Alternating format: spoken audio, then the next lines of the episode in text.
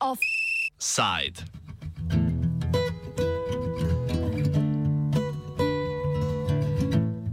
Nelegalni pushbacki.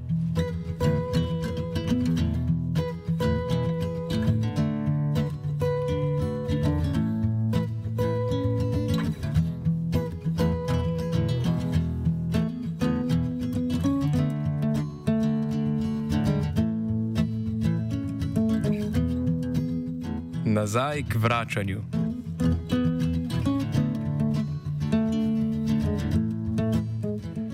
Ustavno sodišče Republike Hrvaške je izdalo prvo sodbo, ki potrjuje kršitve ustavno zagotovljenih pravic beguncev.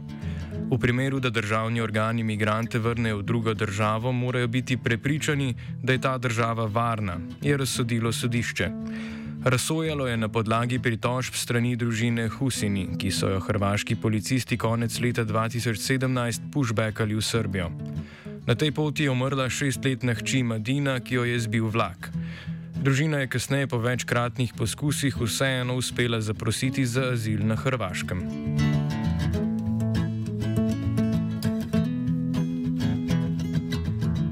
Ustavno sodišče je sedaj razsodilo v dveh postopkih. V prvem je odločalo, ali je smrt Madine posledica ravnanja hrvaških organov oblasti. Odločilo je, da ni, družina pa postopek po pritožbi nadaljuje na Evropskem sodišču za človekove pravice. Pojasni Antonija Pindulić z Centra za mirovne študije. U prvoj presudi, dakle, koja je donesena u, u ožujku ove godine, Ustavni sud je zaključio uh, da Madinina smrt, uh, dakle, da, da nije, da nije uh, posljedica neučinkovite istrage ili nezakonitih postupaka hrvatskih vlasti i potvrdio je zapravo svoju prijašnju presudu u kojoj zaključuje da njezina, znači da njoj nije bilo narušeno pravo na život. Ovo je dakle recimo nekakva potvrda prijašnje, e, prijašnje odluke Ustavnog suda u sadržaju je prilično ista, a, ovaj, ali bitno je naglasiti da se o tome ovaj, odlučuje pred Europskim sudom za ljudska prava, dakle ovaj slučaj Madine Husini i njezine obitelji je pred Europskim sudom za ljudska prava i tu se u postupku navode kršenja niza ljudskih prava Madini i njezine, njezine obitelji, uključujući pravo na život, zaštitu od mučenja, diskriminaciju, sigurnost e, i tako dalje. Dakle, tu, ta, ta presuda se iščekuje od Europskog suda za ljudska prava.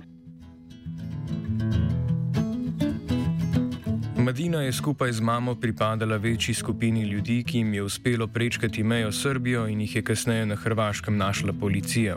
Ta je skupini ukazala vrnitev v Srbijo in zavrnila prošnjo prenočitve. V temi je Madino zbil vlak.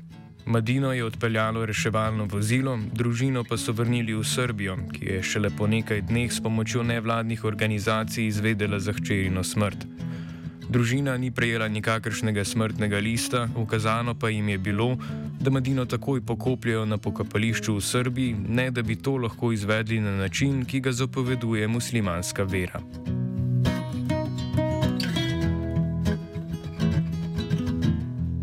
Po njeni smrti je sicer družina na Hrvaškem ponovno zaprosila za mednarodno zaščito, ki so jo pristojni organi zavrnili, ne da bi ocenili razloge za prošnjo. Ministrstvo za notranje zadeve Republike Hrvaške se je namreč sklicevalo izključno na institucijo varnosti tretje države, ki je bila v tem primeru Srbija.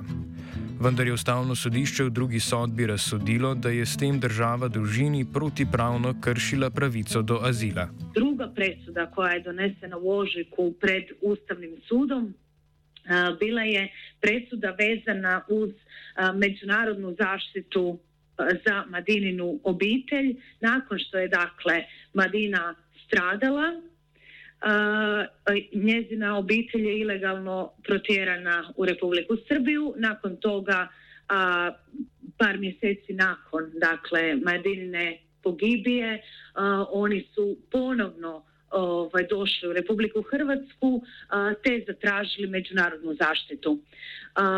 Ovdje je dakle Ustavni sud u toj presudi koja je jako važna za, za, zaštitu, za zaštitu prava izbjeglica u Republici Hrvatskoj.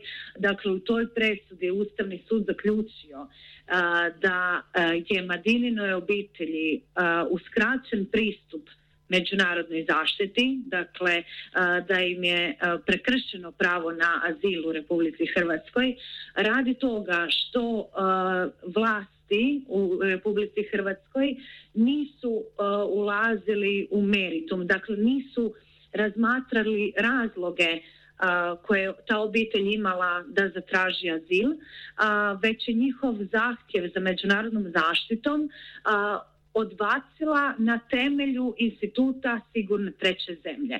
Dakle, ono što je ovdje učinjeno je da je Ministarstvo unutarnjih poslova zaključilo da ne treba ulaziti u to ima li ova obitelj koja je pobjegla od sukoba u Afganistanu, koja je nakon toga eto u našoj zbog, zbog postupaka naših, odnosno hrvatskih institucija izgubila i sestru i kćer.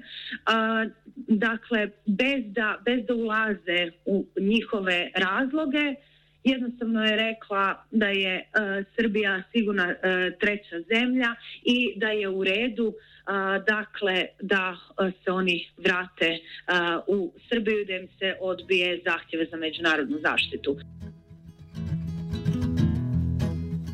Da bi hrvaška družina lahko predala Srbiji po sporazumu o vračanju med državama, bi morala biti prepričana, da je Srbija varna država, je sedaj razsodilo sodišče. Pri tem pa mora preučiti predvsem situacijo na terenu in ne zgolj pravnega okvirja mednarodne zaščite. V sodbi so sodniki opozorili tudi na dejstvo, da Srbija migrante pogosto preda Bolgariji ali Severni Makedoniji. Uh, ono što je uh, Ustavni sud uh, zaključio, bilo je to da je ovo bio propust, dakle da je takva ocjena da je Srbija E, sigurna treća zemlja bio propust i da tu su e, dakle Ministarstvo unutarnjih poslova, a kasnije Upravni sud i Visoki Upravni sud u Republici Hrvatskoj da su krivo ocijenili da je Srbija e, sigurna treća zemlja i da nisu uzimali u obzir bitne stvari za takvu ocjenu a tu najviše znači Ustavni sud naglašava izvještaje e, nevladinih organizacija kao relevantne da bi se zapravo imalo uvid u to na koji način e, sustav azila u Republici Hrvatskoj Republici Srbiji funkcionira ili u ovom slučaju ne funkcionira i koji je zapravo rizik od daljnjeg protjerivanja iz Srbije za koje Ustavni sud ustanovio da postoji upravo na temelju recentnih izvještaja nevladinih organizacija u Srbiji.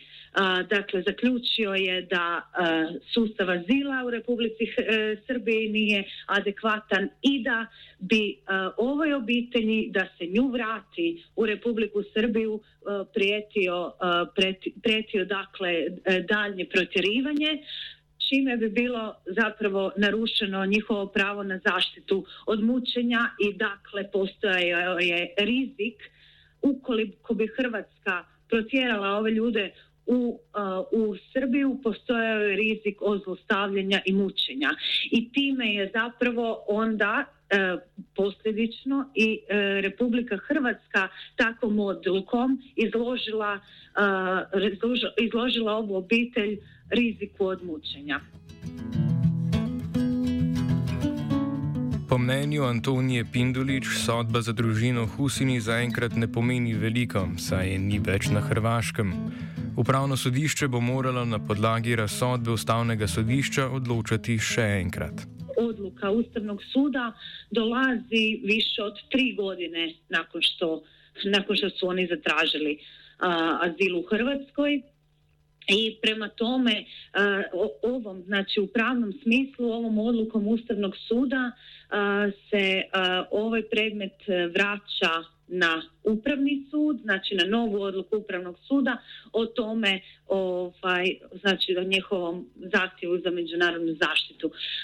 ali u konkretnom predmetu pošto obitelj, kao što sam rekla, više nije u Hrvatskoj, njima to direktno puno ne znači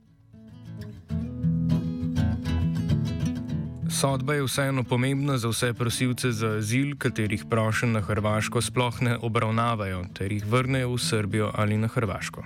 Postoje tisoče drugih obitelji in uh, tisoče drugih izbeglic in drugih migranata, kojima so kršena ljudska prava na granicama, uh, na granicama Republike Hrvatske, ali i na drugim granicama Evropske unije. Koji nemaju e, e, koji nisu mogućnosti tražiti pravni lijek, koji nisu mogućnosti ovaj, pokretati nekakve pravne postupke. Takvih, takvih ljudi je daleko, daleko više. I zbog toga je isto važna ova, ova odluka Ustavnog suda u smislu zaštite drugih izbjeglica, zaštite ovaj, e, prava drugih e, tražitelja azila u Hrvatskoj i osobito zbog toga što dakle je stvarno naglasak stavljen na, na nalaze i na izvještaje, izvještaje od nevladinih organizacija, a ti izvještaji se u Hrvatskoj dosta često diskreditiraju od strane institucije i vlasti, ne uzimaju se kao relevantnima. Posredno je sodišče sodbo torej na najvišji ravni potrdilo, da je praksa hrvaške policije, ki imigrante vrača v Bosno in Hercegovino ter Srbijo, nelegalna. Pritrdilo je torej temu, na kar nevladne in medvladne organizacije opozarjajo že leta.